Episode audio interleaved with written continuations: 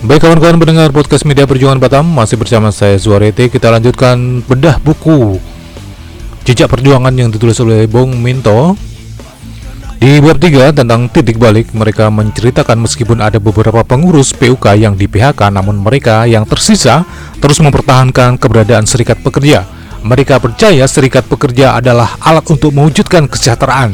Tanpa alat maka kesejahteraan kaum buruh akan semakin sulit didapat Albitoni yang ditunjuk sebagai advokasi diminta untuk merundingkan upah yang pertama dengan pihak perusahaan terkait besaran kenaikan upah tahun 2007. Saat itu, UMK Batam ditetapkan dengan kenaikan sebesar 100 ribu. Namun, kenaikan ini hanya dirasakan oleh mereka yang bekerja di bawah satu tahun. Sementara, untuk mereka yang bekerja di atas satu tahun maksudnya, mereka tidak memperoleh kenaikan sepeser pun ya. Jadi mereka yang di atas satu tahun tidak ada kenaikan. Saat itu Abitoni bersama-sama dengan pengurus PUK yang lain membuat sebuah rumusan dan mengajukan dengan perusahaan. Pola untuk kenaikan upah yang diajukan ke perusahaan yaitu selisih kenaikan upah minimum yang berlaku untuk semua karyawan. Selain itu, serikat juga meminta kenaikan upah untuk masa kerja untuk kerja di atas satu tahun sampai dengan tiga tahun dapat kenaikan upah masa kerja sebesar setengah persen dari upahnya. Kemudian pekerja di atas tiga tahun sampai dengan enam tahun dapat satu persen sehingga pekerja yang masa kerjanya 15 tahun sampai 18 tahun mendapat 5% dari upahnya. Sedangkan untuk appraisal dengan formula nilai A hingga D dapat kompensasi sebesar 100.000 untuk A, 75.000 untuk B, 50 untuk C dan 25.000 untuk D. Selain itu, semua pekerja PT Sanwa juga mendapatkan selisih UMK. Konsep ini berhasil diterapkan sejak tahun 2007 dan masih berlaku hingga sekarang. Setelah perjuangan upah berhasil, banyak pekerja yang tadinya belum bergabung dengan serikat pekerja akhirnya bergabung dengan PUK, SPI, SPMI, PT Sanba Engineering Batam. Bukan itu saja, selanjutnya PUK memperjuangkan pengangkatan pekerja kontrak agar menjadi karyawan tetap atau permanen. Saat itu, banyak karyawan kontrak yang dikontrak secara berulang-ulang, bahkan ada yang dua tahun dikontrak PT Sanwa, setelah itu dikontrak oleh perusahaan outsourcing. Sebelumnya, FSPMI melakukan penelitian tentang outsourcing dan belum ada instruksi dari pusat untuk menghapus outsourcing. PUK Sanwa memberanikan diri untuk menghapus outsourcing yang ada di perusahaan. Inilah gerakan spektakuler PUK Sanwa dalam menghilangkan outsourcing saat itu tahun 2007, jauh sebelum gerakan Hostum yang menjadi gerakan nasional dilakukan pada tahun 2012. Apabila outsourcing dihapus, muncul kontrak kerja yang bermasalah, kontrak yang selalu berulang-ulang dengan PT Sanwa Engineering Batam. Hingga akhirnya PT Multi Perkasa Utama berhasil dibuang dari PT Sanwa dan selanjutnya PT Hang Cipta juga dibuang, tidak ada lagi outsourcing di PT Sanwa.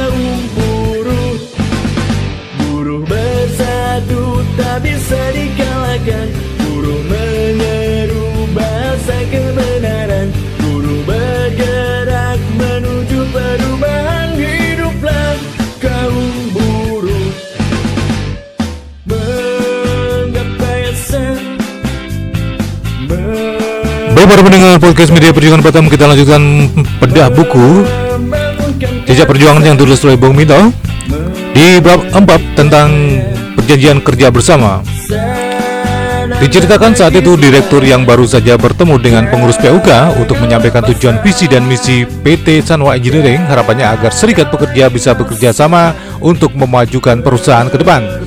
Tentu saja serikat pekerja menyambut baik hal ini dalam kesempatan tersebut, PUK berkesempatan untuk menyampaikan apa yang menjadi tujuan visi dan misi serikat pekerja. Direktur menyebut baik apa yang disampaikan oleh pengurus PUK. Ini berbeda jauh dengan di awal berdirinya serikat pekerja jangan akan bertemu dengan direktur untuk bertemu dengan general manager maupun operational manager. Mereka sudah tidak bisa. Biasanya kami hanya dihadapkan dengan manajer HRD atau manajemen.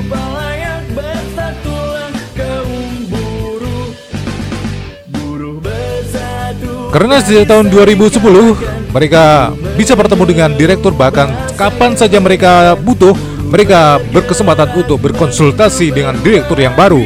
Dengan direktur yang baru inilah mereka mengusulkan agar dibuat perjanjian kerjasama atau PKB dengan tujuan agar mengurangi permasalahan di perusahaan.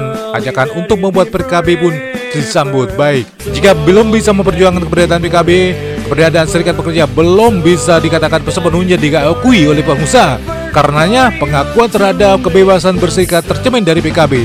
Jika masih terbentuk peraturan perusahaan, maka sama saja belum ada pengakuan. Di dalam PKB yang pertama sudah banyak perusahaan yang didapat Baik tentang tunjangan kejadian, tunjangan waktu maupun tunjangan kehadiran Dan terus sampai saat ini menjadi 70 ribu Sejak ada PKB, PUK bisa merubah nilai tunjangan yang ada di perusahaan. Bahkan PUK juga bisa meminta dan menambahkan tunjangan yang belum ada. Banyak yang telah diperbuat PUK. Perubahan yang ada di perusahaan dari yang dulunya gampang di PHK, gampang di warning, sekarang tidak mudah lagi. Semuanya telah diatur, diatur dalam PKB. Begitu juga dengan kesejahteraan yang dulunya berkurang, sekarang berangsur-angsur membaik.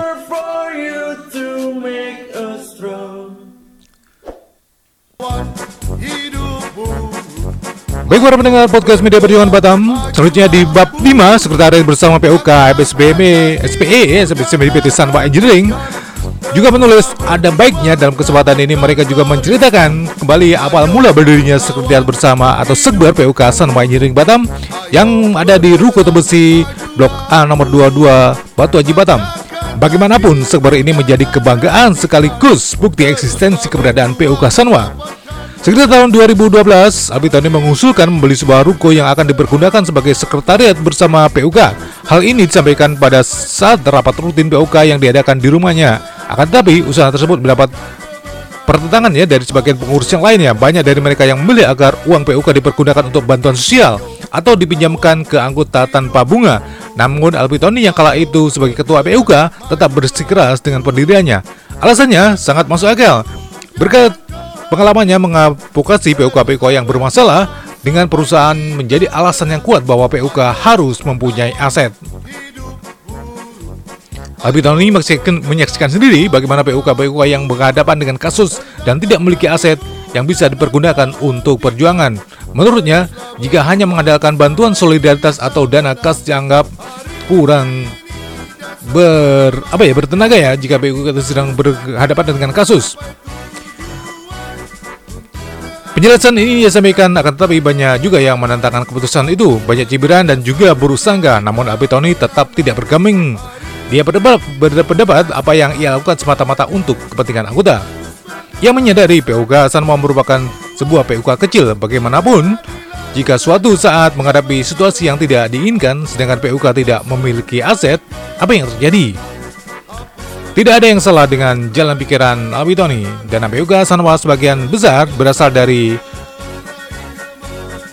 jarinya ya hasil dari perjuangan soliditas untuk mengadvokasi PUK-PUK yang ia sumbangkan seluruhnya ke PUK. Ini bukti bahwa Albitoni benar-benar berjuang untuk PUK-nya.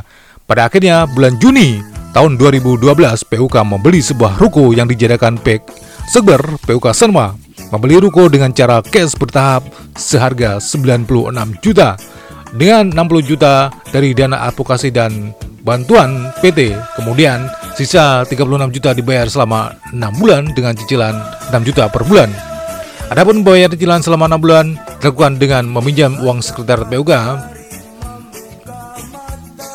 Karena pada waktu itu meskipun sudah ada payroll, PUK hanya mendapatkan 4 juta per bulan untuk menutupi kekurangannya, maka PUK meminjam dari Bong Benny Dolar.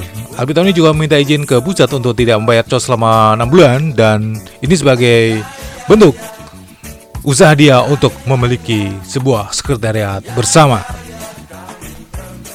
Akhirnya awal tahun 2013 mereka berhasil mendapatkan kunci ruko cicilan lunas dan mereka memiliki sekretariat bersama.